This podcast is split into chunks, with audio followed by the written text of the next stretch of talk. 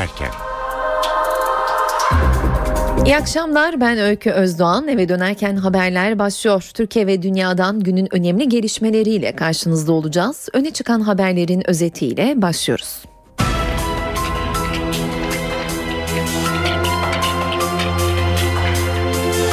Gündem 17 Aralık operasyonu sonrası gelişmeler ve yeniden yargılama tartışmaları. Adalet Bakanı Bekir Bozdağ, Hakimler ve Savcılar Yüksek Kurulu'nun inceleme kararına rağmen İstanbul Cumhuriyet Başsavcısı Turan Çolakkadı, Başsavcı Vekili Oktay Erdoğan ve İstanbul Emniyet Müdürü Selami Altınok hakkında inceleme izni vermeyeceğini açıkladı. Bakan Bozdağ, paralel devlet tartışmaları ile ilgili de Allah şirk devlet ortak kabul etmez değerlendirmesini yaptı. İktidar Partisi Hakimler ve Savcılar Yüksek Kurulu'nun yapısını değiştiriyor. Adalet Bakanı'nın yetkileri artıyor. Muhalefet düzenlemeye tepkili.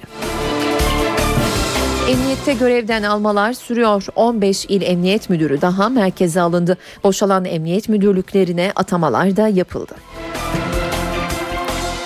Yolsuzluk soruşturmasını yürüten savcı Zekeriya Öz son günlerde Dubai tatiline dönük iddialarla manşetlerdeydi. HSYK izin verdi. Savcı Öz de az önce açıklama yaptı. Öz tatilinin bir iş adamı tarafından finanse edildiği yönündeki iddiaları reddetti. İspatlasınlar istifa edeceğim dedi. Yeniden yargılamanın nasıl yapılabileceği konusunda öneriler sunan Türkiye Barolar Birliği Başkanı Metin Feyzioğlu'na siyasilerden tepki var. MHP lideri Feyzioğlu'na verdiği randevuyu iptal etti. AK Partili Hüseyin Çelik birlik başkanını şov yapmakla suçladı. Genelkurmay Askeri Savcılığı'nın Uludere dosyasını kapatmasına tepkiler sürüyor. Diyarbakır Barosu karara itiraz edeceğini duyurdu. Sanayide çarklar işliyor. Üretim endeksi Kasım'da %4,7 oranında arttı. Kuru fasulye ve patatesin ardından yumurtanın da fiyatı yükseldi. Yumurtanın koli fiyatı %50 arttı.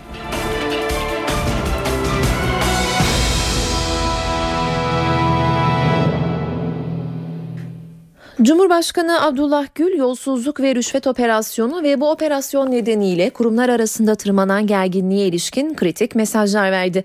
Kara Harp Okulu'ndaki törende konuşan Cumhurbaşkanı kuvvetler ayrılığının önemine dikkat çekti.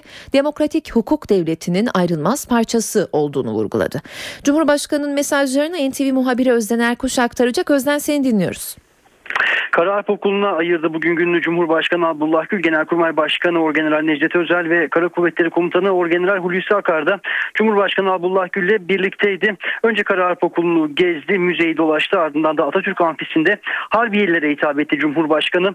Ulusal küresel güvenlik konuları, diplomatik ilişkiler ve dünyadaki güç dengeleri konusunda uzun bir konuşma yaptı ancak konuşmasının bir bölümünde demokrasi, kuvvetler ayrılığı ve milli irade gibi son günlerin gündemdeki kavramlarını kullanması dikkat çekti. Cumhurbaşkanı meşruiyet temeli nedir diye sorduğunuzda yani bir ülkenin meşru bir şekilde yönetimi nasıl olur dediğinizde bugünkü çağda ona vereceğimiz cevap demokrasidir diye konuştu. Meşruiyetin temeli bugün demokrasiden geçmektedir. Demokrasi dediğimizde aslında milli iradedir dedi. Bunu biraz daha genişletecek olursak demokratik hukuk devletlerinin kurulmasıdır. Düzenlerin böyle olmasıdır diye konuştu. Demokratik hukuk devleti dediğimizde çok partili sistem, adil, serbest, düzgün seçimler ve kuvvetler ayrılığı prensibi çerçevesinde herkesin yetki ve sorumluluklarının belli olması ve bu düzen içerisinde check balans dediğimiz denge sistemlerinin olup bunların ahenk içerisinde yönetilmesidir diye konuştuğu Cumhurbaşkanı Gül konuşmasında son günlerde gündemde olan kavramlara, kuvvetler ayrılığına ve milli iradeye vurgu yaptı Cumhurbaşkanı. Gül'ün konuşmasında dikkat çeken bölümler bunlardı. Özden teşekkürler. NTV muhabiri Özden Erkuş telefon hattımızdaydı.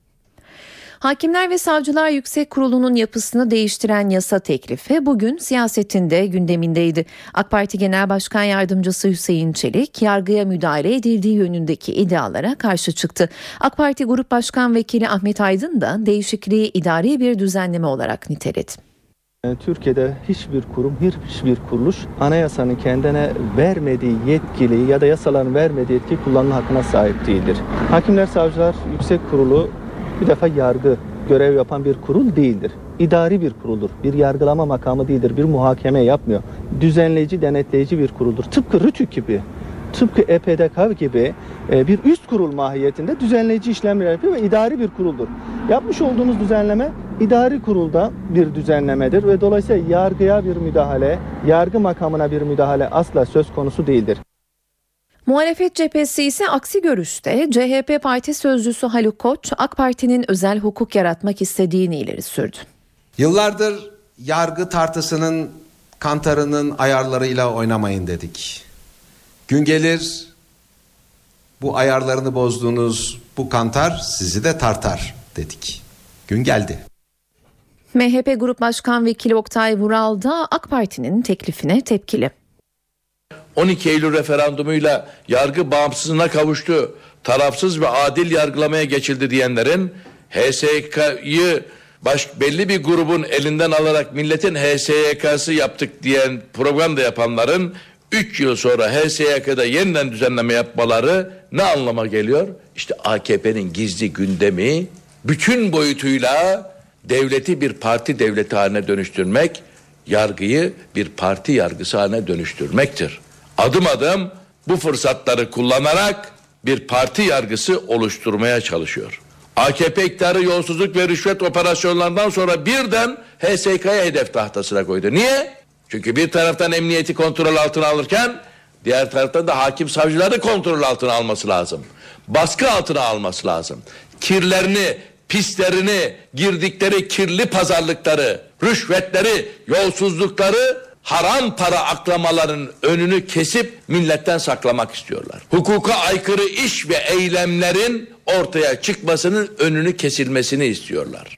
Hakimler ve Savcılar Yüksek Kurulu'nun yapısını değiştiren yasa teklifine BDP'li Demir Çelik'ten de tepki var. Türkiye'nin yeniden palyatif, geçici bir kısım adımlarla kaybedecek zamanı yok. Bir kısım ikbalimiz, geleceğimiz için yapacağımız kanun teklifleriyle günü kurtarabiliriz.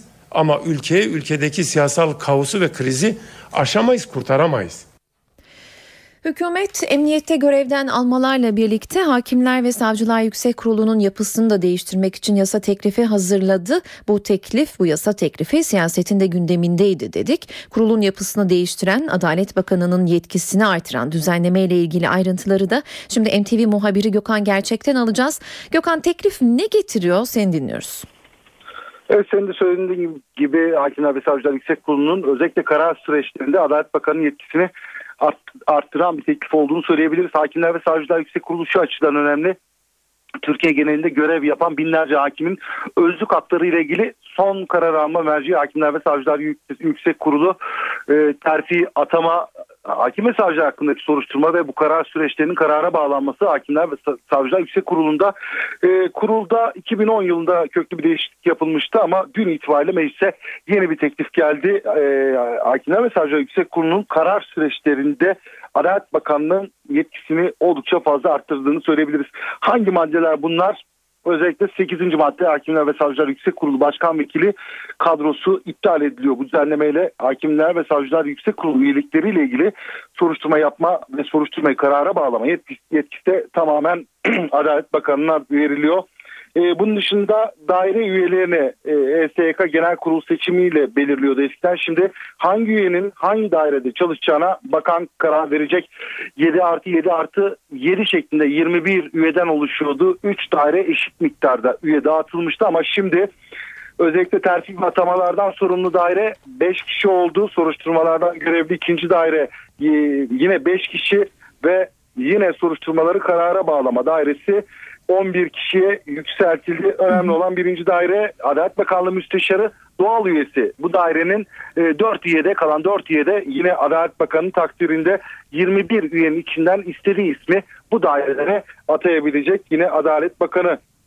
13. madde daire başkanlığında üyelerin çoğunun oyunu alma şartı değil katılanların e, çoğunun o, çoğunun oyunu almak yeterli olacak artık. Hakimler ve Savcılar Yüksek Kurulu e, önceden hakim ve savcıların kanuna aykırı davranışlarını soruştururken şimdi yönetmeliğe aykırı davranışlarında soruşturabilecek. Soruşturma süreçlerinde de Adalet Bakanlığı'nın Adalet Bakanlığı'na geniş yetkiler tanınıyor. Ee, HSK tetkik hakimlerini Adalet Bakanı seçecek yine HSK'nın normal idari personeli seçme yetkisi de Adalet Bakanı'nda olacak.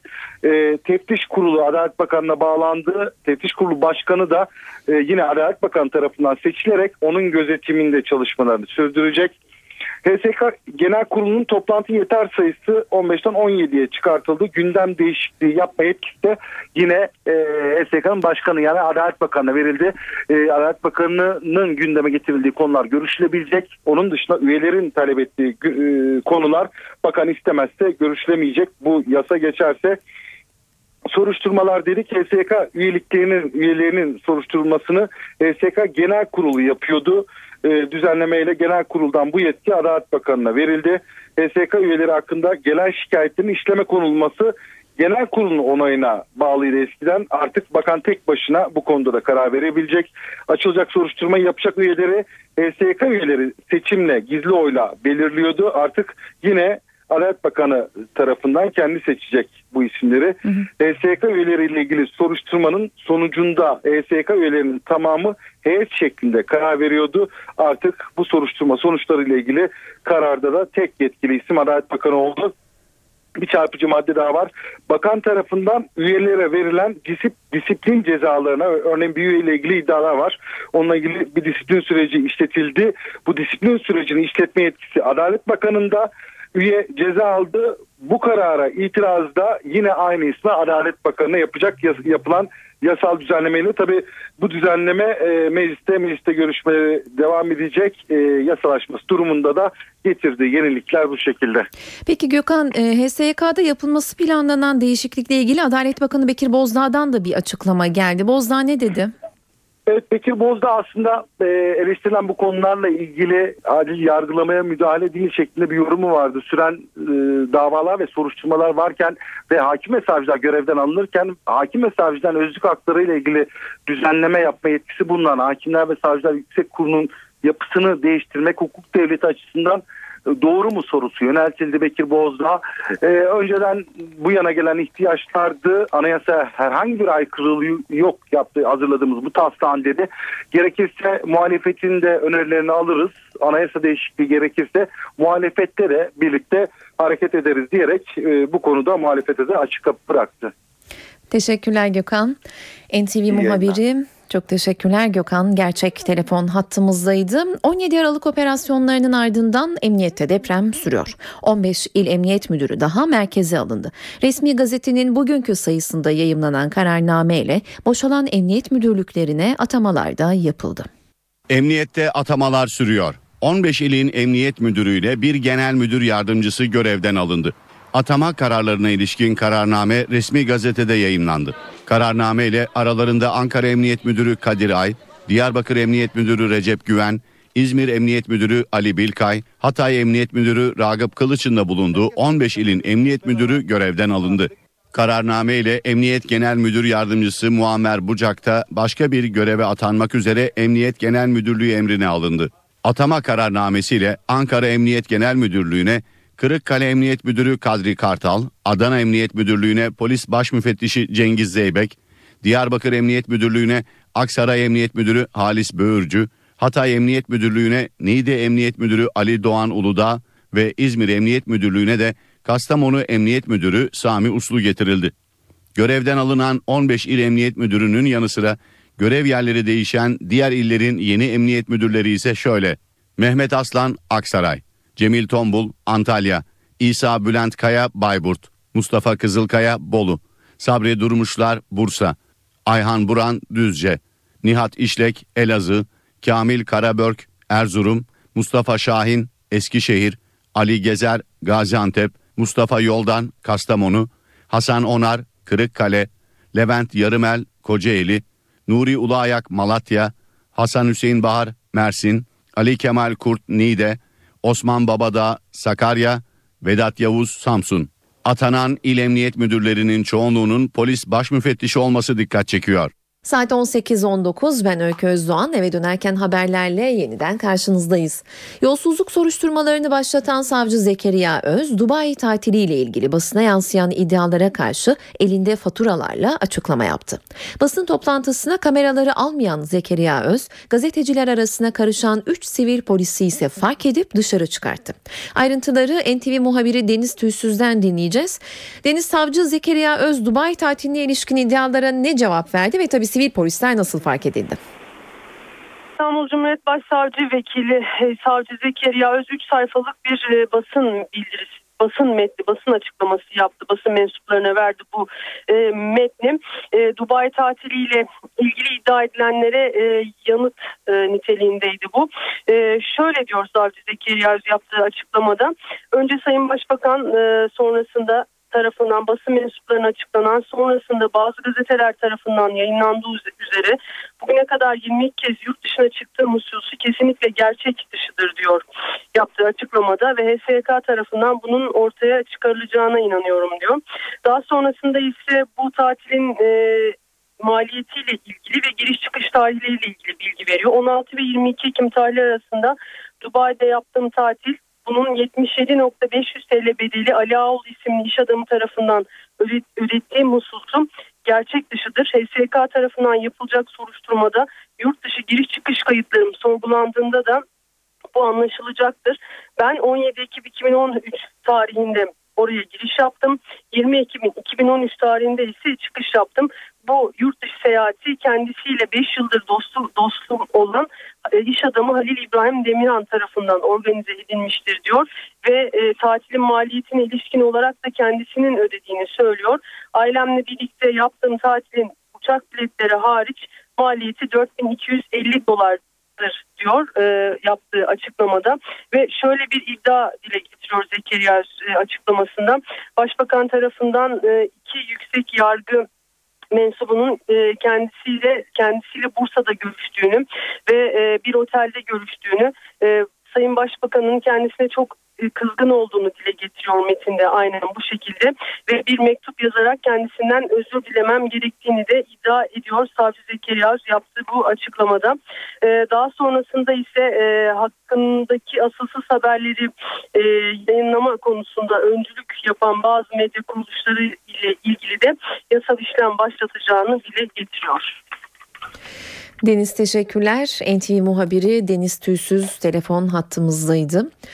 İzmir'de yolsuzluk, rüşvet ve limanlardaki işlemlerde usulsüzlük iddiasıyla başlayan operasyonun ardından mahkeme ve savcılık kararlarını uygulamayan görevliler hakkında da soruşturma başlatıldı.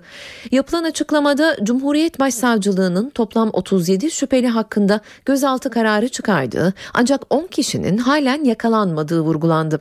Özellikle İzmir dışında uygulanmayan mahkeme ve savcılık kararlarına ilişkin ilgililer hakkında adli soruşturma başlatıldığını belirtti belirten savcılık halen gözaltındaki 27 kişiden sorgusu tamamlanan 3 kişiyi serbest bıraktı. 24 kişinin sorgusuysa kaçakçılık ve organize suçlarla mücadele şube müdürlüğünde devam ediyor. En üst seviyede yargıya yönelik salvolarla ve yargının içinden karşı tarafa yönelik salvolarla adalete tamamen güveni sarsılmış bir toplumla karşı karşıyayız. Gün devletin çivilerini tekrar çakma zamanıdır. Bu sözler Barolar Birliği Başkanı Metin Feyzioğlu'na ait. Operasyonların ardından gündeme gelen yeniden yargılamaya ilişkin aktif rol üstlenen Feyzioğlu, Cumhurbaşkanı, Meclis Başkanı ve Başbakan'dan sonra Adalet Bakanı ile bir araya geldi. Ancak siyasetçiler Feyzioğlu'na tepkili. MHP lideri Bahçeli, çarşamba günü için verdiği randevuyu iptal etti. AK Parti sözcüsü Hüseyin Çelik de Barolar Birliği Başkanı'nı şov yapmakla suçladı. Henüz Adalet Bakanlığı tarafından bu yeniden yargılama ile ilgili bir çalışma yapılıp bitirilmemiştir. Bunun kapsamı ortaya konmamıştır. Bu ne getirir ne götürür bunlar ortaya çıkmamıştır.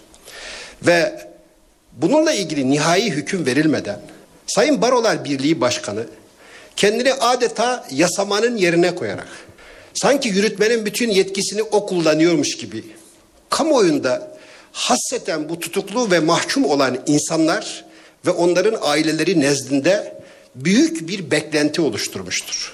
Ve Sayın Barolar Birliği Başkanı adeta bu insanların ümitleri üzerinde şova devam ediyor. Şov yapmaya devam ediyor. Bir televizyon programında seyrettim. Ben profesyonel bütün hiçbir siyasetçiye güvenmem diyor. Başbakanla görüşüyorsunuz.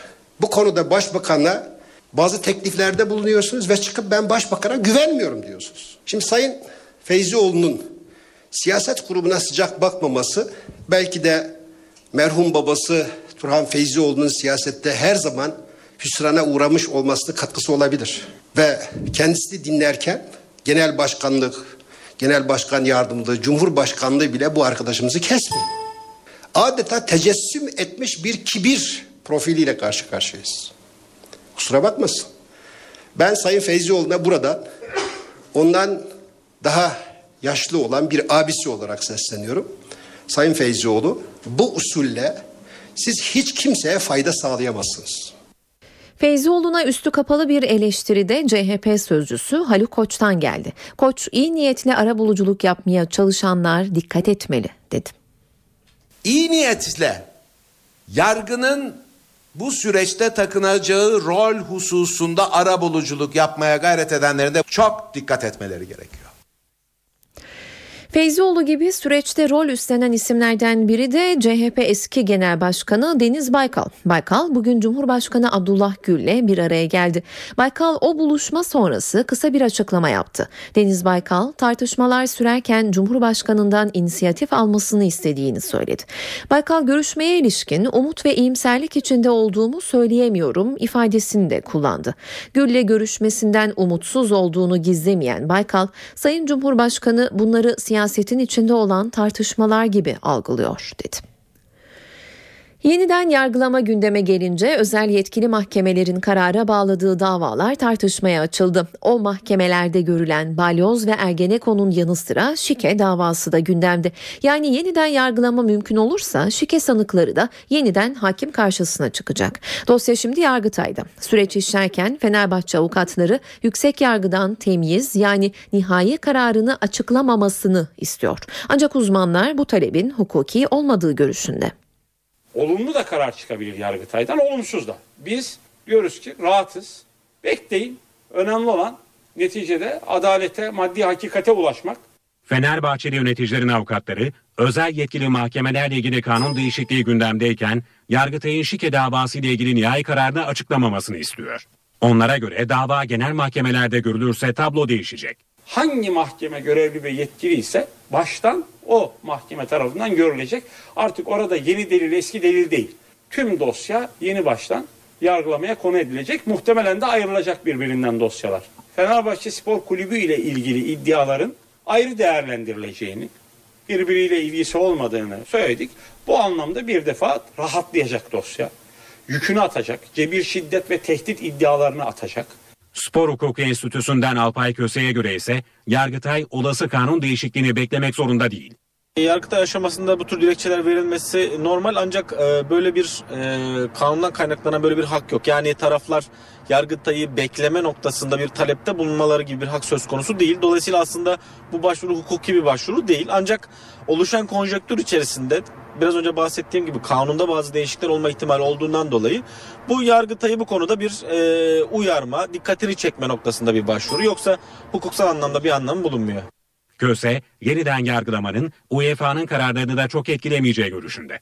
Mahkemenin verdiği sonuç aslında UEFA'yı bağlamıyor. Zira UEFA'nın gerekçeli kararını okuduğumuz özellikle Fenerbahçe Kulübü ile ilgili kararın kendisiyle ilgili değil, içindeki delillerle ilgili değerlendirmelerle karar verildiği görülüyor. Ayrıca Türkiye Futbol Federasyonu'nun da verdiği kararlar olduğu unutulmamalı.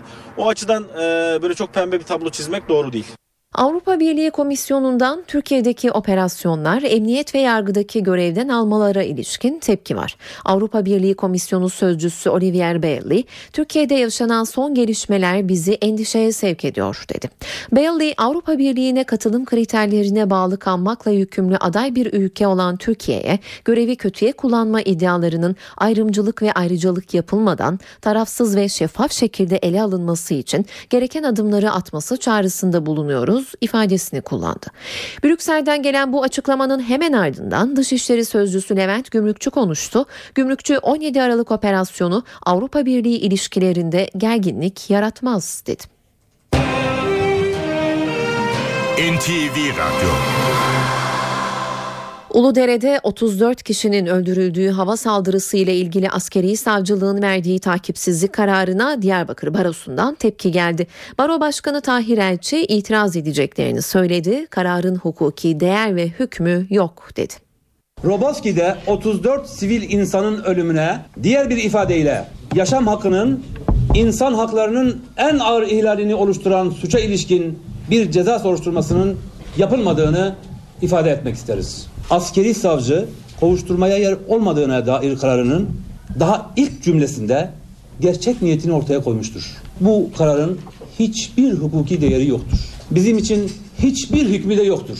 Kararı askeri savcıya iade ediyoruz. Hiçbir parlamento kararı, hiçbir kanun maddesi bu ağır suçu haklı, meşru kılmaz ve sorumluları cezai sorumluluktan kurtaramaz. Silahsız, sivil ve masum 34 insanın tümden ve bir anda ölümünü amaçlayan ve bunu gerçekleştiren bombalama eyleminin hiçbir ahlaki, insani ve hukuki gerekçesi olamaz. Kaçınılmaz hata denilen durum olsa bile diğer bir ifadeyle Roboskililerin tamamı silahlı örgüt üyesi bile olsa idi yine de bu katliamın failleri cezai sorumluluktan kurtulamayacaklardı.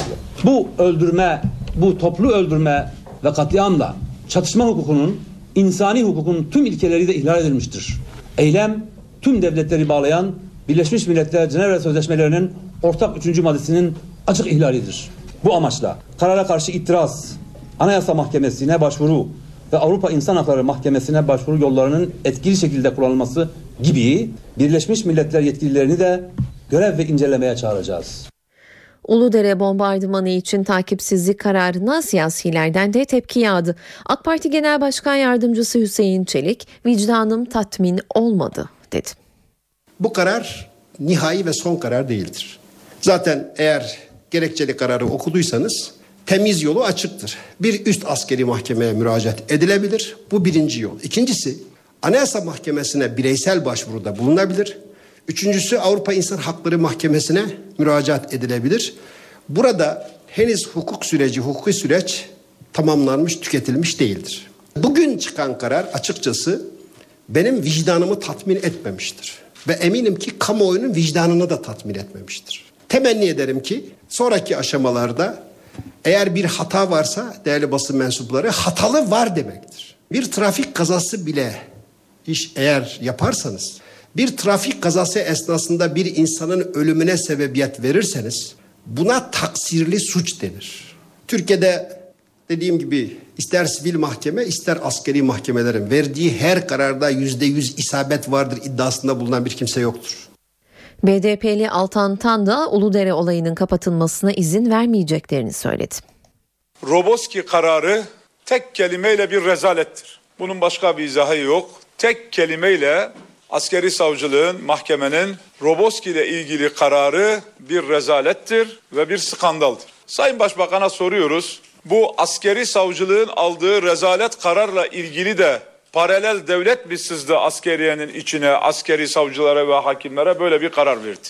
Bunu soruyoruz. Bu paralel yapılanma askeriyenin içinde de var mıdır? Roboski rezaletini nasıl örteceksin, nasıl izah edeceksin? Bunun altından nasıl kalkacaksın? Onun için bu meseleyi de çok daha fazla uzatmıyorum. Tek kelimeyle bir rezalettir. Üstü örtülemez, saklanamaz, gizlenemez. Sayın Başbakan bunun bir numaralı mesulüdür. Parlamento günlüğü için Ankara'ya dönüyoruz şimdi de Meclis Plan ve Bütçe Komisyonu'ndaki torba kanun tasarısı görüşmeleri tartışmalı başladı. Telekomünikasyon İletişim Başkanlığı'na mahkeme kararı olmadan internette erişime engelleme yetkisi veren düzenlemeye muhalefet tepki gösterdi. Aynı tasarıda dikkat çeken bir başka düzenleme vakıflara ait yurt ve pansiyonların bedelsiz olarak hazineye devredilebilmesini öngörüyor. Parlamento günlüğü için mikrofonu şimdi NTV muhabiri Miray Aktağ olacak bırakıyoruz. Miray söz sende. Plan Bütçe Komisyonu'nda bugün torba kanun görüşmesi vardı ve torba kanun görüşmesindeki en dikkat çeken düzenlemelerden biri de Telekomünikasyon İletişim Başkanlığı'na mahkeme kararı olmadan erişimi engelleme yetkisi veren düzenleme. Muhalefet bu konuyu eleştirdi ve konu emniyetteki görevden almalara da geldi. Söz konusu toplantı sırasında Muhalefetin tepkisinin gerekçelerinden bir diğeri de 126 maddelik kanun teklifinde çok sayıda kurumla ilgili düzenlemenin yer alması Ee, sadece Aile ve Sosyal Politikalar Bakanlığı değil çok sayıda bakanlığı çok sayıda devlet kurumunu ilgilendiren düzenlemelerde bu e, kanun tasarısının kanun teklifinin içerisinde yer alıyor. Bu yüzden muhalefet buna da tepki gösterdi ve belki de bu tepki nedeniyle e, gün içerisinde görüşmeler geneli üzerinde görüşmeler tamamlandıktan sonra maddelere geçildiğinde sadece Aile ve Sosyal Politikalar Bakanlığı'nı ilgilendiren düzenlemeler Plan Bütçe Komisyonu'ndaki toplantıda ele alınmaya başlandı. Ee, aslında bu e, komisyondaki torba kanunda e, dediğimiz gibi en dikkat çeken düzenlemelerden biri iletişim, telekomünikasyon iletişim başkanlığına verilen yetki tip başkanına yaptığı görevden dolayı işlediği suçlarda ceza soruşturulması açılması da Ulaştırma Bakanı'nın iznine bağlanıyor bu düzenlemeyle. E, muhalefet bunun e, iletişim başkanlığına ve doğrudan başkana bir koruma kalkanı getirdiğini savunuyor ve teklifteki bu hükümlerin yasalaşması halinde ifade özgürlüğü ve basın özgürlüğünün tehlike altına e, gireceğini savunuyor muhalefet partileri ve bunun aslında bir e, sansür mekanizması olduğunu da savunuyorlar. Yaptıkları açıklamalarda e, buna yönelik de değerlendirmeler yaptılar. E, bu arada gün içerisinde e, bazı haberler de vardı. Bu düzenlemenin vakıflara ait yurt ve pansiyonlara da e, ilişkin de düzenlemeler içerdiği e, yurt ve pansiyonlarla ilgili olarak da yurt ve pansiyonların yapılış amacında kullanılmak üzere bedelsiz olarak hazineye devredilebileceği vakıflar tarafından arsası veya arsa üzerindeki taşınmazı bağışlananlarla bağışlananların hazineye devredilmeyeceği gibi e, bir takım düzenlemeler de e, e, içerdiği ifade edilmişti. Plan ve Bütçe Komisyonu Başkanı Recai Berber e, cemaat yurtlarına devlet el koyacak şeklinde değerlendirilmesiyle ilgili bu haberlerin e, bir açıklama yaptı ve böyle bir şey kanunla da olamaz ayrıca anayasaya da aykırıdır ifadelerini kullandı. E, bu yüzden e, bu haberleri yansıtmadığını söyledi. Bu yönde bir savunma yaptı. E, Plan Başkanı Recai Berber e, çok sayıda söylemiştik söz konusu düzenlemenin içerisinde bu düzenlemelerden birkaçını daha aktarmamız gerekirse Baba Kanun pırlantadan alınan ÖTV'nin kalkmasını altın satışına KDV getirilmesini de ayrıca kamu ihale kanununda da değişiklikler içeriyor ve iştirak ve ortaklarının Sayıştay denetiminden kamu personel rejimi ve kamu ihale yasası kapsamından da çıkmasını öngörüyor. Ee, söz konusu düzenlemede yer alan değişiklikler bu şekilde ve e, uzun sürede tartışılacak gibi görülüyor. Teşekkürler Miray. NTV muhabiri Miray Akta Uluç telefon hattımızdaydı parlamento günlüğüyle.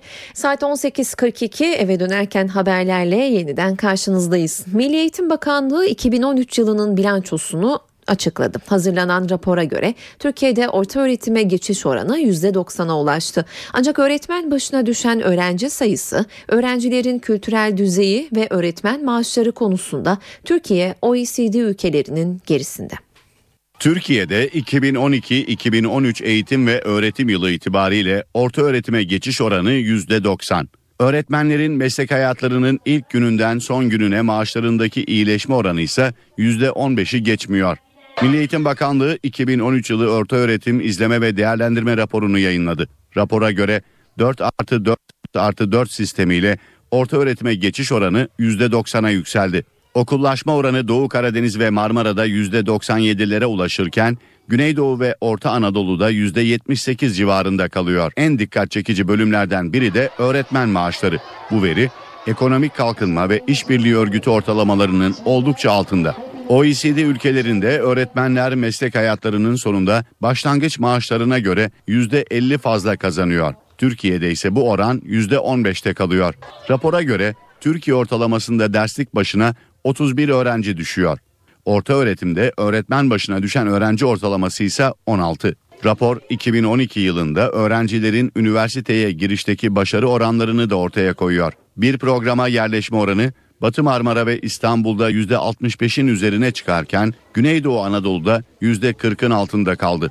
Türkiye'de yeni bir tür grip salgını var. Nüfusun %2'si yani yaklaşık 1 milyon kişinin bu virüse yakalandığı belirtiliyor. Dünya Sağlık Örgütü Türkiye'nin H3N2 adı verilen virüsten en çok etkilenen ülkelerden biri olduğunu duyurdu. Peki bu virüse yakalananlar ne yapmalı? Gripten korunmak için ne yapmalı? Merak edilen tüm bu soruları Sağlık Bakanlığı Salgın Hastalıklar Kurulu üyesi Profesör Mehmet Ceyhan'a soracağız. Sayın Ceyhan yayınımıza hoş geldiniz. Hoş bulduk. Grip diyoruz ama aslında bu bir virüs. Bildiğimiz gripten farklı mı? Hayır aslında e, virüs bildiğimiz hem de tam bildiğimiz grip virüsü yeni bir virüs değil. Hmm. Son işte aşağı yukarı 30 yıldır en sık gördüğümüz virüs aslında. E, dolayısıyla hem bir yeni virüs söz konusu değil hem de bir salgın söz konusu değil. Bu kadar e, hastalık da zaten her yıl aşağı yukarı gördüğümüz oranda. E, sadece geçen yıla göre iki hafta kadar daha erken e, maksimuma ulaştı. Yoksa yeni bir durum söz konusu değil. Bildiğimiz grip yani. Peki Sayın Ceyhan e, virüse yakalananlar ayakta atlatmak için kendince e, bir takım çözüm yolları arıyor buluyor. Bunların başında da antibiyotik kullanımı geliyor. Antibiyotik bu virüse etkili oluyor mu? Hayır zaten adı üzerinde virüs. E, dolayısıyla antibiyotiklerin hiçbir etkisi yok. Tam tersine antibiyotik kullanmanın ortaya çıkardığı zararlara maruz kalıyoruz. Yoksa faydası bir tarafa zararı da var. Gripin tabi ilaçları var. E, grip için etkili ilaçlar var. Bunlar işte antigripal ilaçlar dediğimiz işte piyasada Tamiflu, Relenza gibi bilinen ilaçlar. E, zaten yapılan çalışmalarda da bu H3N2'nin şu anda bu sene bizde %90'dan fazla vakada çıkan H3N2'nin bu ilaçlara dirençli olmadığını da gördük. Dolayısıyla eğer ilk 48-72 saat içinde başlanırsa e, ilaç etkili ama antibiyotiklerin bir etkisi yok.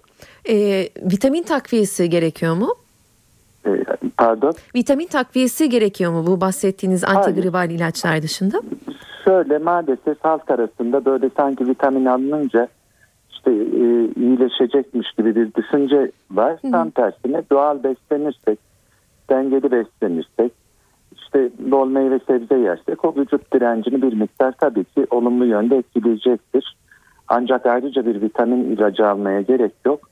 Ee, en etkili koruma yöntemi de bunlar değil aşı aslında. Çünkü şu anda bizde bu yaygın görülen e, H3N2 aslında aşı içerisinde olan bir virüs. Dolayısıyla eğer şu anda piyasada mevcut olan grip aşılarına yaparsak bundan korunmamız mümkün zaten. Peki. Teşekkür ediyoruz Sayın Ceyhan yayınımıza katıldığınız için. Rica ederim. İyi akşamlar. Teşekkürler. Sağlık Bakanlığı Salgın Hastalıklar Kurulu üyesi Profesör Mehmet Ceyhan telefon hattımızdaydı. NTV Radyo Dünyanın gündeminde Suriye'de şiddetlenen çatışmalar var. Ülkenin kuzeyindeki Tel Abyad bölgesinde Özgür Suriye ordusuyla El-Kaide arasındaki çatışmalar özellikle Şanlıurfa'nın sınır ilçesi Akçakale'de tedirginlik yarattı. Çatışma seslerinin duyulduğu ilçede bir okulda eğitime ara verildi. Belediye hoparlörlerinden ilçe halkı sınırdan uzak durmaları için uyarıda bulunuyor. Suriye'deki çatışmalar Tel Abyad'la sınırlı değil. Halep'e bağlı Cerablus bölgesinde de Irak-Şam İslam Devleti ile İslami cephe arasındaki çatışmalar da şiddetini artırdı. Silah sesleri Gaziantep'in Karkamış ilçesinde yankılandı. Sınır kapısı geçişlere kapatıldı. NTV Radyo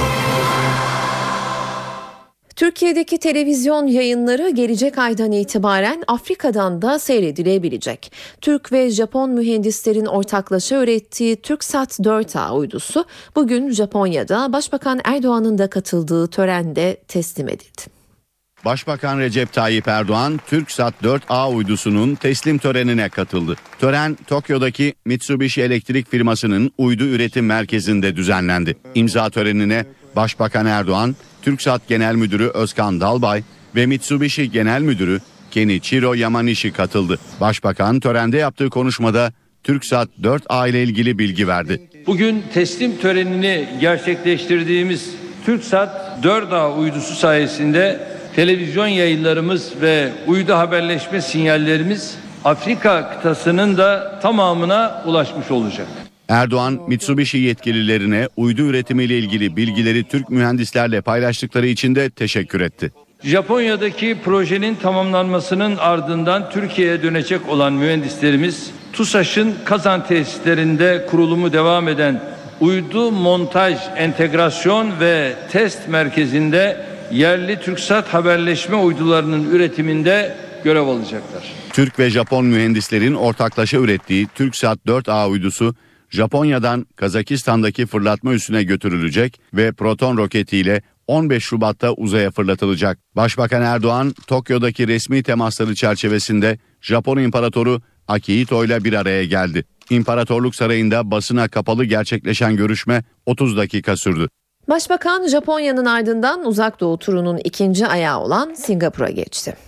Başbakanın Tokyo temasları sırasında imzalanan Sinop'ta yapılacak nükleer enerji santrali ile ilgili anlaşma Japonya'da tartışmalara neden oldu. Tartışmaların nedeni anlaşmayla Türkiye'ye uranyum zenginleştirme ve plütonyum çıkarma izni de verilmesi.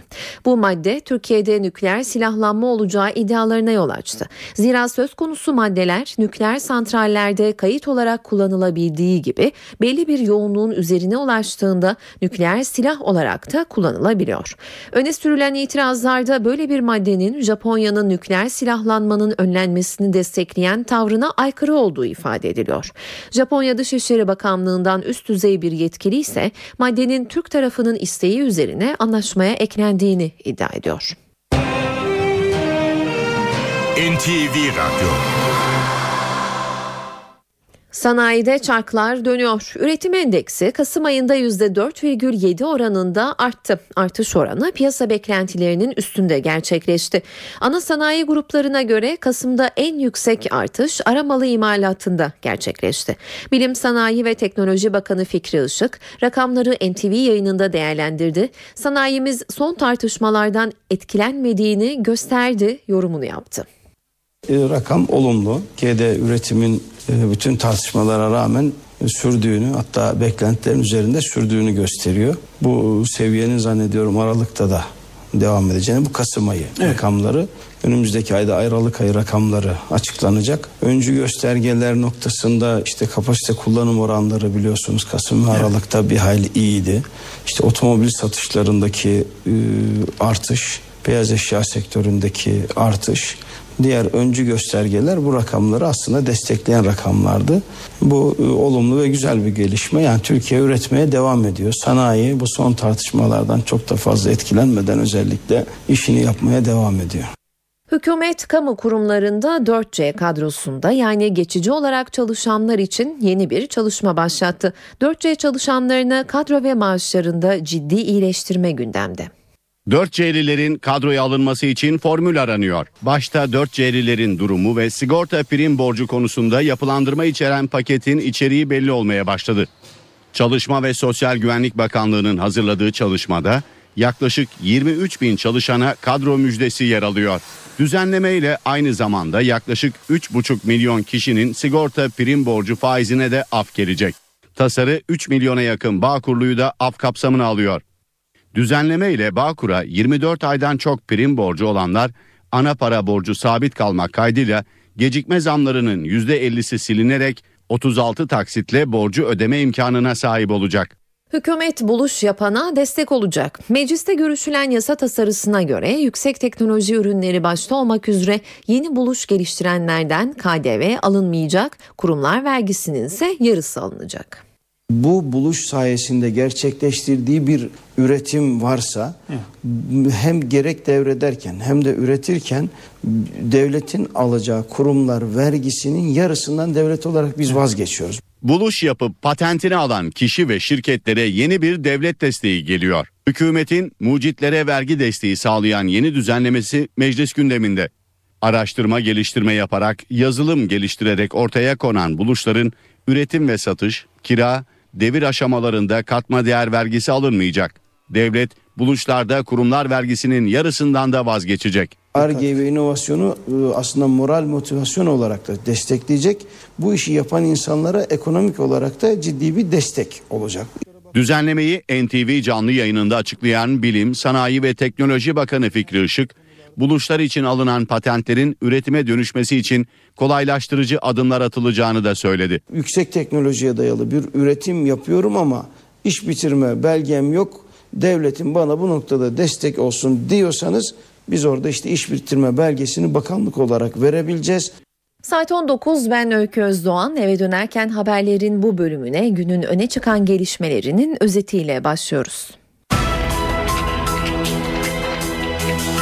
Yolsuzluk operasyonu sonrası Bakırköy Cumhuriyet Başsavcı Vekilliğine atanan Zekeriya Öz, Başbakan Erdoğan'ın yüksek yargı kökenli iki kişiyi kendisine gönderip özür mektubu istediğini öne sürdü.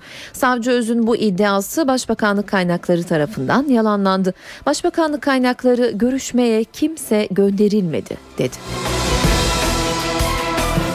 Cumhurbaşkanı Gül kuvvetler ayrılığı vurgusu yaptı. Herkesin yetki ve sorumluluklarının belli olması, çek balans dediğimiz denge sistemlerinin ahenk içinde yönetilmesi gerektiğini söyledi.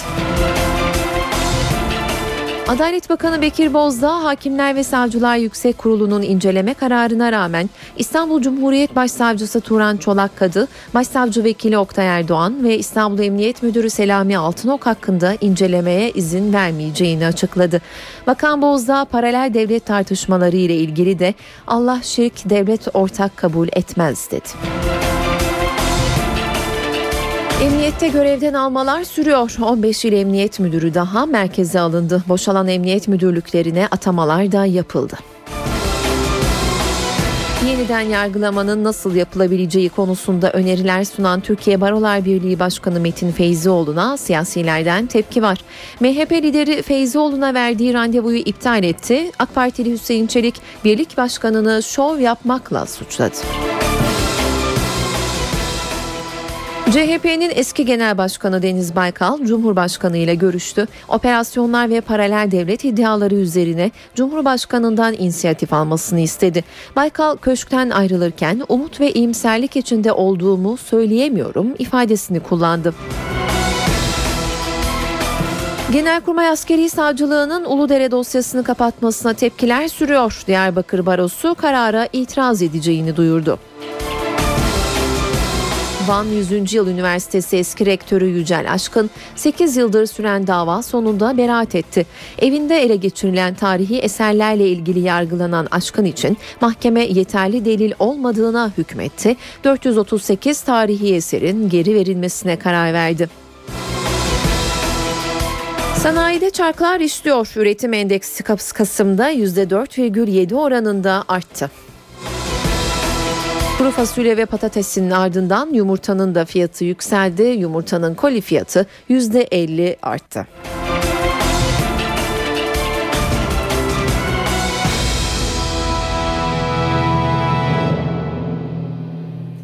Başbakanlık savcı Zekeriya Üz'ün sözlerine karşı yazılı açıklama yaptı. Açıklamada savcının iddiaları yalan ve iftiradır denildi. Yolsuzluk operasyonu sonrası Bakırköy Cumhuriyet Başsavcı Vekilliğine atanan Zekeriya Öz bugün bir açıklama yaparak Başbakan Erdoğan'ın yüksek yargı kökenli iki kişiyi kendisine gönderip özür mektubu istediğini öne sürdü.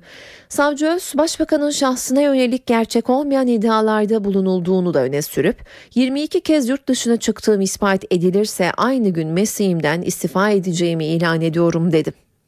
Dubai tatilinin iddia edildiği gibi 77.500 dolara değil ailece toplam 4250 dolara mal olduğunu söyleyen savcı Öz, parayı iş adamı Ali Ağoğlu'nun değil kendisinin ödediğini savundu.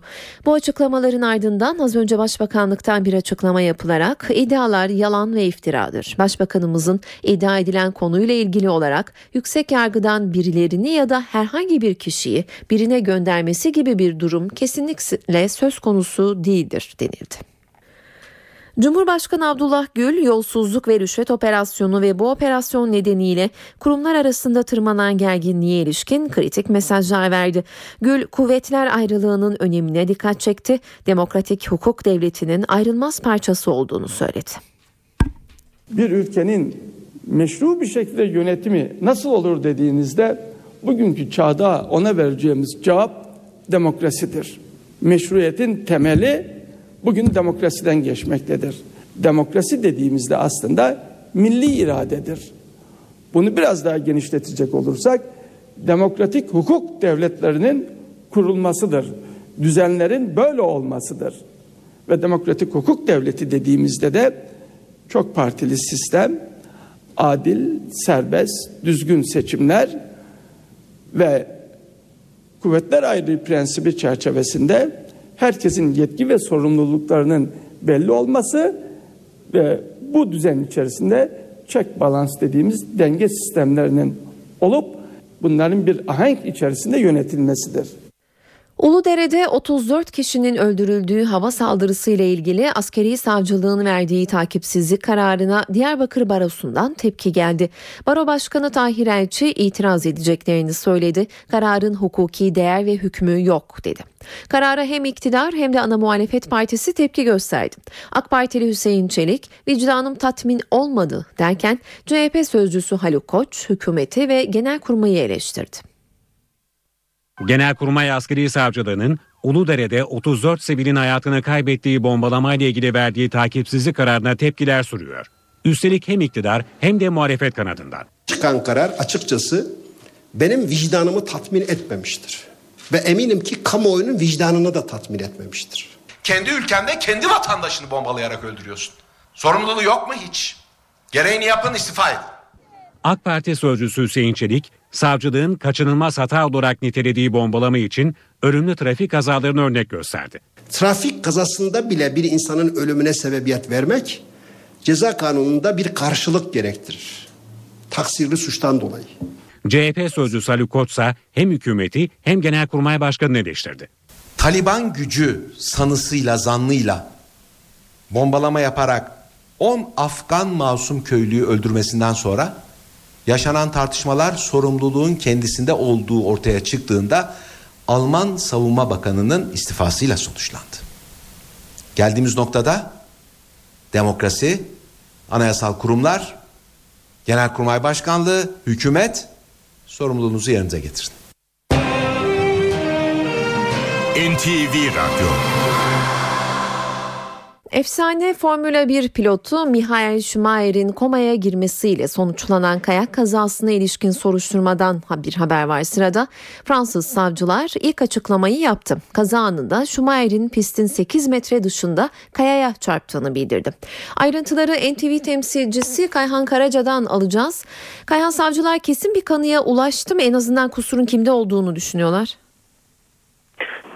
E, kimde olduğu konusunda savcılık henüz daha bir şey söylemiyor. Çünkü soruşturma devam ediyor. Ancak soruşturmada oldukça ilerleme var. 29 Aralık'ta meydana gelen kaza ile ilgili olarak savcılık bugün çok kapsamlı bilgiler verdi. Kazanın en azından nasıl meydana geldiğinin çözüldüğünü en azından büyük ölçüde çözüldüğünü söyledi. Buna göre e, Schumacher 29 Aralık'ta saat yerel saatle 11'de 2700 metre yükseklikten kaymaya başladı. Pistin ikiye ayrıldığı e, bölgede kayalık bir alana girdi e, normal pistten yaklaşık 6 metre içeride karla kaplı bir kayaya çarptı. Bu çarpma e, sonucu e, kayak takımları çıktı ve yaklaşık 3 metre öteye savruldu. Düşerken de kafasını bir başka kayaya çarptı. Çarpmasıyla kafasındaki kask parçalandı. Bu da şiddetli kafa travması geçirmesine neden oldu. Kaza büyük ölçüde bu şekilde meydana gelmiş durumda. E, elbette bu basın toplantısından önce en çok e, dile getirilen konulardan bir tanesi hız faktörüydü. E, Schumacher hangi hızla kayak yapıyordu sorusu sorulmaktaydı. Bu konuda net bir bilgi vermedi e, savcı. Ancak e, kıdemli bir kayakçı için e, hızı aşırı değildi şeklinde bir e, ifade kullandı. Kullandığı kayak, tak, kayak takımının kazanın sorumlusu olmadığı söylendi. Ancak bu kayak takımı şu anda ekspertiz için özel bir enstitüye gönderilmiş durumda. Kaza anında kafasındaki kaskın üzerinde kayıt halinde olan küçük bir kamera olduğuna dair haberi de teyit etti e, savcılık bugün basın toplantısında. Bu kamerada kaza ile ilgili 2 dakikalık görüntü olduğunu söyledi. E, görüntüler kullanılabilir düzeyde dedi. Şu anda e, üzerinde e, kare kare e, ekspertiz çalışması yapılıyor e, eklemesinde bulundu. Görüntülerde e, Schumacher'in bir başkasına yardım etmek için pist dışına çıktığına dair bir, bir bölüm olmadığını da vurguladı savcı. Schumacher'in yakınları ünlü pilotun düştüğü bölgede e, düşen e, bir başka kayakçıya yardım etmek isterken e, e, yardım etmek istediği için oraya gittiğini e, söylemişlerdi geçtiğimiz günlerde medyaya. Ancak Fransız savcı ellerinde bu konuda bilgi olmadığını söyledi. Pistlerdeki e, işaretleme konusu da çok çok önemliydi e, basın toplantısından önce. Kayak merkezindeki pistler Fransız normlarına göre işaretli e, dedi savcı bugün. E, bu konu çok önemli. Özellikle de kazanın e, sorumluluğu ve ilerideki olası maddi tazminat talepleri açısından. Savcılık şu an için kayak merkezine karşı herhangi bir adli işlem başlatmayı düşünmediğini de bildirdi bugün. Ancak e, bu tür kazaların uzmanı Fransız avukatlar kayak merkezinin işaretleme normlarına uymadığı e, konusunda ısrar, ısrarla açıklamalar yapıyorlar bu, bu saatte bu sabah saatlerinden bu yana. E, Schumacher'in kaza geçirdiği kayak merkezinin bu arada e, daha doğrusu bu kayak merkezini işleten firmanın geçtiğimiz yıllara e, yıllarda benzer bir kazada yüklü tazminat e, ödemeye mahkum edildiği ortaya çıktı ki bu işaretleme normlarına uymadığı için. Teşekkürler Kayhan. NTV temsilcisi Kayhan Karaca telefon hattımızdaydı. Kültür sanatla devam edelim. Günün etkinliklerinden öneriler var sırada. Akbank Sanat caz sanatçısı Caroline Henderson'u ağırlıyor bu akşam. Etkinlik saat 20'de başlıyor. Levent Özer ilk albümü Söyle de Bilelim'le Jolly Joker İstanbul sahnesinde sevenleriyle buluşuyor. Özer performansına saat 21'de başlıyor. Kadıköy sahnede rock grubu Direct saat 22'de dinlenebilir bu akşam. İş sanatta ise dünyanın en ünlü oda orkestralarından Academy of St. Martin in the Fields, Yasuo Bell yönetiminde sahne alıyor bu akşam. Etkinlik saat 20'de başlıyor. Yunus Emre Kültür Merkezi Büyük Salon'da Türkiye'de caz müzik sanatçısı olarak ilk akla gelen isimlerden olan Fatih Erkoç sevenleriyle buluşuyor. Performans başlama saati 20.30. Living Room Art Cafe'de Arda Gulyan dinlenebilir bu akşam. Arda Gulyan özel repertuarıyla saat 21'de başlıyor performansına. Babylon İstanbul sahnesinde ise Queen klasiklerindeki başarılı yorumuyla öne çıkan Jingi özel performanslarından biri için sahne alıyor. Performans başlama saati 21.30. Pera'da albümünün yeni şarkılarıyla If Performans Hall Ankara sahnesinde olacak bu akşam. Performans başlama saati 21. Tiyatro severler için de bazı önerilerimiz olacak. Akatlar Kültür Merkezi'nde Aşkı Mecnun sahneleniyor bu akşam. Kerem Baydar'ın yazıp yönettiği oyunda Ayşen Guruda, Elif Tayhan, İbrahim Gayberi, Nil Ateş gibi isimler rol alıyor. Ünlü olma hayaliyle İstanbul'a gelen Leyla'nın bu süreçte yaşadığı değişimleri, gerçek hayatla ve aşkla yüzleşmesini konu alan komedi oyunu perdelerini 20.30'da açıyor. Devlet Tiyatroları Üsküdar Tekel sahnesinde ise Hamlet sahneye konuyor bu akşam. Bülent Emin Yarar'ın rol aldığı oyunun yönetmen koltuğunda ise Işıl Kasapoğlu oturuyor. Oyun içinde ustaca oyun yöneten, soytarıyla soytarı, saraylıyla saraylı, en akıllı kadar akıllı, öte yandan da bir oyuncunun nasıl olup da kılık, kimlik ve varlık değiştirdiğini kendi kendine soran kişi Hamlet'tir. Hamlet saat 20'de açıyor perdelerini. Akşam evdeyseniz CNBC'de saat 22'de başlayan biri acar dedektif, diğeri işinde usta adli tıp uzmanı olan iki kadın karakterin maceralarını anlatan Rizzoli and Isles izlenebilir. Star TV'de saat 20'de Muhteşem Yüzyıl ekrana gelecek.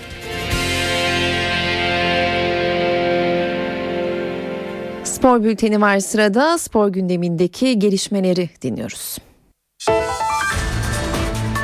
Beşiktaş'ta Ronaldinho bekleyişi sürüyor. Atletico Mineiro ve Gremio'nun tekliflerinin siyah beyazlıların önerisinden geri kalması nedeniyle Brezilyalı'nın Türkiye'ye gelmeye yakın olduğu bildirildi. Beşiktaş'ta Ronaldinho transferi için yoğun mesai sürüyor. Beşiktaş Başkanı Fikret Orman, transfer komitesi üyeleri, teknik direktör Slaven Bilic ve futbol genel direktörü Önder Özen gerçekleştirdikleri toplantıda durum değerlendirmesi yaptı. İki saat süren zirvede Başkan Orman, teknik direktör Bilic'e Ronaldinho transferinde gelinen noktayı anlatırken alınmasının takım içinde oluşturacağı etki de masaya yatırıldı. Bilic, Ronaldinho transferinin takıma yararlı olacağı ve Brezilyalı yıldızı kadrosuna görmek istediği yönünde görüş belirtti. Bu aşamadan sonra siyah beyazlar İstanbul'dan ayrılan Ronaldinho'nun ağabeyi ve menajeri Roberto Assis ile yeniden temasa geçerek son tekliflerini iletecek. Beşiktaş yıldız oyuncuya yıllık 6 milyon euro önerecek. Ayrıca ödenecek primler, Brezilya'ya gidiş geliş için sağlanacak olanaklar, İstanbul'da konaklaması ve ulaşımıyla ilgili ayrıntılar da öneri paketinde yer alacak.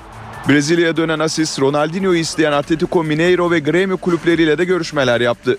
Ancak iki kulübün tekliflerinin Beşiktaş'ın önereceği yıllık 6 milyon euronun gerisinde kaldığı belirtildi.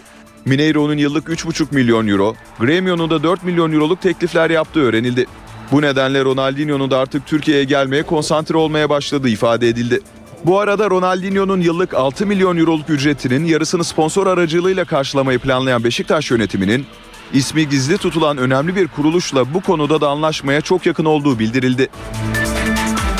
Caner Erkin Fenerbahçe'yi bekliyor. Sarı lacivertlilerle sözleşmesi sezon sonu bitecek Caner takımdan ayrılmayı düşünmüyor. Ancak deneyimli futbolcunun ücretinde iyileştirme yapılmasını istediği de gelen haberler arasında. Sezonun ilk yarısında gösterdiği performansa dikkatleri üzerine çeken Caner Erkin'in Fenerbahçe ile sözleşmesi 31 Mayıs'ta sona erecek. 25 yaşındaki futbolcu FIFA kuralları gereği yurt içi ve dışında takımlarla görüşme hakkına sahip.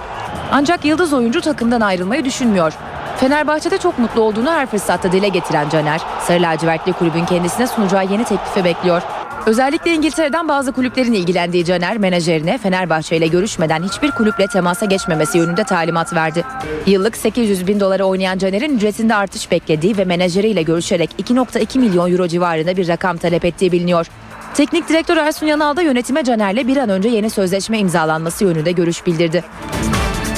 Galatasaray yabancı transferinden sonra yerli oyuncular için de girişimlerini hızlandırdı. Sarı Kırmızılı kulüp Eskişehir Sporlu Veysel Sarı ile prensip anlaşmasına varırken Umut Gündoğan ve Salih Dursun'u da imza aşamasına getirdi. Hayrovic ve Telles'le kadrosunu zenginleştiren Galatasaray Antalya kampı öncesi transferleri birer birer sonuçlandırıyor. Eskişehirspor'un kadro dışı bıraktığı ve Beşiktaş'ın da yakından ilgilendiği Veysel Sarı ile görüşen Sarı Kırmızılılar başarılı oyuncuyla anlaşma sağladı. Ancak Eskişehir Spor Kulübü ile henüz pazarlıklara başlamayan Galatasaray resmi olarak transferi bitirmiş değil. Kulüpler anlaşırsa Veysel Sarı devre arasında sarı kırmızılı formayı giyecek. Buca sporlu Umut Gündoğan'la yakından ilgilenen Galatasaray genç oyuncunun transferi için her konuda el sıkıştı. Umut için Buca Spor'a 500 bin euro ödeyecek olan Sarı Kırmızılılar, Kayseri Spor'un savunma oyuncusu Salih Dursun'un transferinde de mutlu sona çok yakın. Kayseri Spor'un da onay verdiği görüşmelerden olumlu sonuç alan Sarı Kırmızılılar, genç futbolcuyla resmi sözleşme imzalama aşamasına geldi. Bu arada Medikal Park Antalya Spor'un sezon sonuna kadar kiralamak istediği Amrabat, Galatasaray'da kalmak istediğini duyurdu. Twitter hesabından tatil dönüşü İstanbul'a geleceğini belirten faslı oyuncu, sezon sonuna kadar takımda kalmak istediğini yineledi. Trabzonspor hazırlıklarını Antalya'da sürdürüyor. Kampa katılan ilk yabancı Zokor oldu. Teknik direktör Mustafa Reşit Akçay antrenmanlarda kanat atakları üzerinde yoğunlaştı. Trabzonspor devre arası kampının ikinci gününde hazırlıklarını Antalya'da yaptığı antrenmanla sürdürdü. Teknik direktör Mustafa Akçay yönetiminde yapılan çalışmaya 1461 Trabzon'dan kampa çağrılan Mustafa Akbaş da katıldı. Bordo Mavili takımın anlaşma sağladığı İspanyol kondisyoner Miguel Peiro da antrenmana çıkarak ilk çalışmasını gerçekleştirdi. İspanyol kondisyoner takımın genel durumu hakkında yardımcı antrenör Turgay Karslı'dan bilgi aldı. Trabzonspor'da teknik direktör Mustafa Akçay'ın fazladan iki gün izin verdiği yabancı futbolculardan Didier Zokora kampa bir gün erken katıldı. Bordo Mavililer antrenmanda kondisyon çalışmalarının ardından yarı sahada çift kale maç yaptı. Bu çalışma sırasında oyuncularına uyarılarda bulunan Akçay, kanat organizasyonları anlamında problemlerimizin olduğunu düşünürsek bunlar üzerinde çalışmalıyız. Önemli olan anlaşılabilirlik ve uyum dedi. Hafif sakatlığı bulunan Soner Aydoğdu takımdan ayrı koşu yaptı. Eşinin doğum yapacak olması nedeniyle teknik ekipten 14 Ocağı kadar izin alan kaleci Fatih Öztürk, doğum tarihinin uzaması nedeniyle iznini iptal etti. Trabzonspor'da kaleciler Onur, Zeki Ayvaz ve Fatih Öztürk'ün yokluğunda kaleyi, altyapı kalecileri İbrahim Demir, Ahmet Can ve Recep Ağ koruyor. Üç genç isim de antrenman performanslarıyla dikkatleri üzerine çekiyor. Merkez Hakem Kurulu Başkanı Zekeriya Alp NTV Spor'un sorularını yanıtladı. Tartışmalı Kasımpaşa Beşiktaş maçı ile ilgili çarpıcı açıklamalarda bulunan Alp, Türkiye'deki hakem gelişimi konusundaki görüşlerini dile getirdi. NTV Spor canlı yayınına konuk olan Merkez Hakem Kurulu Başkanı Zekeriya Alp, gündeme yönelik açıklamalarda bulundu. Kasımpaşa Beşiktaş maçında hakem raporunun değiştiği iddialarına yanıt verdi. Hakem raporu asla asla asla bize gelmez. Ben iki yıla yakın bir zamandır bu görevdeyim. Merkez Hakem Kurulu'nun başkanıyım. Ben e, hakem raporunun ne şekilde bir şey olduğundan bile haberim yok. Yani matbu e, bir e, şekli var herhalde ama bunun ne olduğunu bilmiyorum. Bu kadar açık seçik bu ifadeleri kullanıyorum. Rapor biz görmeyiz. Biz sadece gözlemci raporu görürüz. Bunu bunu lütfen lütfen kamuoyuna duyurmanız lazım. Defalarca aynı şeyi söylüyorum. Hakem raporu bize gelmez. Direkt hukuk kuruluna gider. Zekeriya Alp hakemlerin ilk yarı karnesinin olumlu olduğunu dile getirdi. Genel anlamda bir değerlendirme yaptığımızda bence e, ligin ilk yarısında iletişim olarak 5. ve 6. hakemlerle olan diyalog bence son derece olumluydu. En basit bir örneğini vermem gerekirse e, 17. haftada 3 e, tane penaltıyı verdiren 6. hakemlerdi. Bu da gelişmelerin çok güzel bir örneği olarak değerlendiriyorum. Merkez Hakem Kurulu Başkanı Alp, futbolcuların saha içinde hakemlere yardımcı olmaları gerektiğini vurguladı. Saha içerisinde özellikle özellikle futbolculara söylüyorum. Saha içerisinde lütfen gereksiz hakemle e, ilişkilere girmeyin. Yanlış hareketler yapmayın. Özellikle aldatma hareketlerine yeltenmeyin. Hiç gerek yok buna. Çıkın futbolunuzu oynayın. Hakeme de yardımcı olmaya çalışın saha içerisinde. Zekeriya Alp, FIFA ve UEFA'dan takdir almalarına rağmen yurt içinde maalesef aynı ilgiyi bulamadıklarını belirtti. Alp, hedeflerinin uluslararası arenada boy gösterecek genç hakemler yetiştirmek olduğunu söyleyerek sözlerini noktaladı. Uluslararası Futbol Federasyonu Birliği FIFA, Katar'da düzenlenecek 2022 Dünya Kupası'nın yazdan kışa kaydırılmasına karar verdi. Kararın nedeni Katar'da yazın sıcaklığın 50 dereceye yaklaşması. FIFA Genel Sekreteri Yorome Valk, Fransız medyasına yaptığı açıklamada Katar 2022 Dünya Kupası'nın Haziran veya Temmuz ayında yapılmayacağını söyledi. Genel Sekreter, kupanın 15 Kasım 15 Ocak arasında düzenlenebileceğini düşünüyorum dedi. Katar'da yaz aylarında hava sıcaklığının çok yüksek olması nedeniyle futbol yolcuların zorlanacağına dikkat çekiliyordu. Eve dönerken haberleri bir şarkıyla bitirelim bu akşam. Rock and Roll'un kralı Elvis Presley'in bugün doğum günü. Yaşasaydı 78 yaşında olacaktı. Elvis Presley'den It's Now or Never şarkısıyla bitiriyoruz. Ben Öykü Özdoğan. Yarın akşam aynı saatte karşınızda olacağız. Şimdilik hoşçakalın.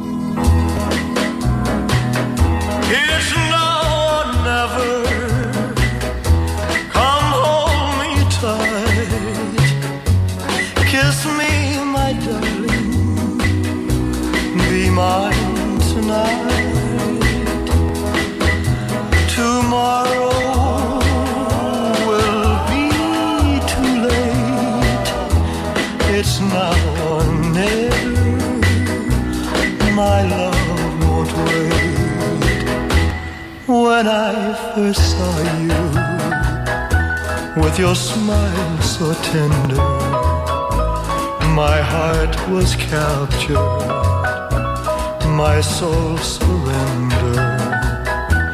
I spent a lifetime waiting for the right time. Now that you're near, the time is here at last.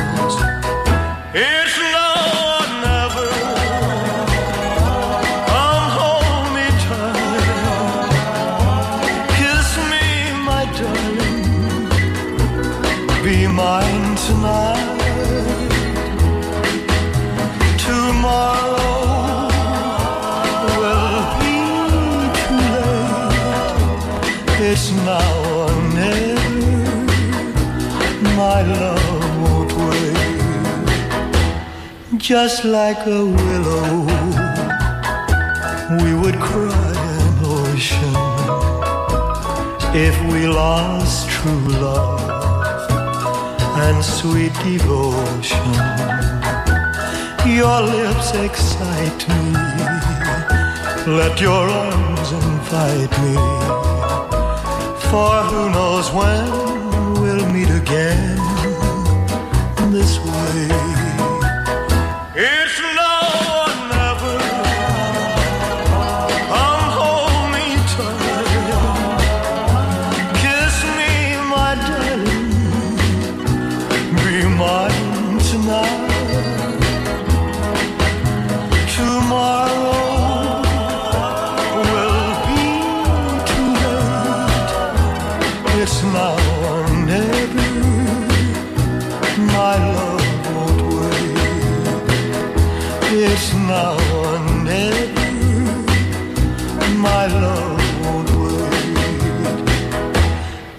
now or never,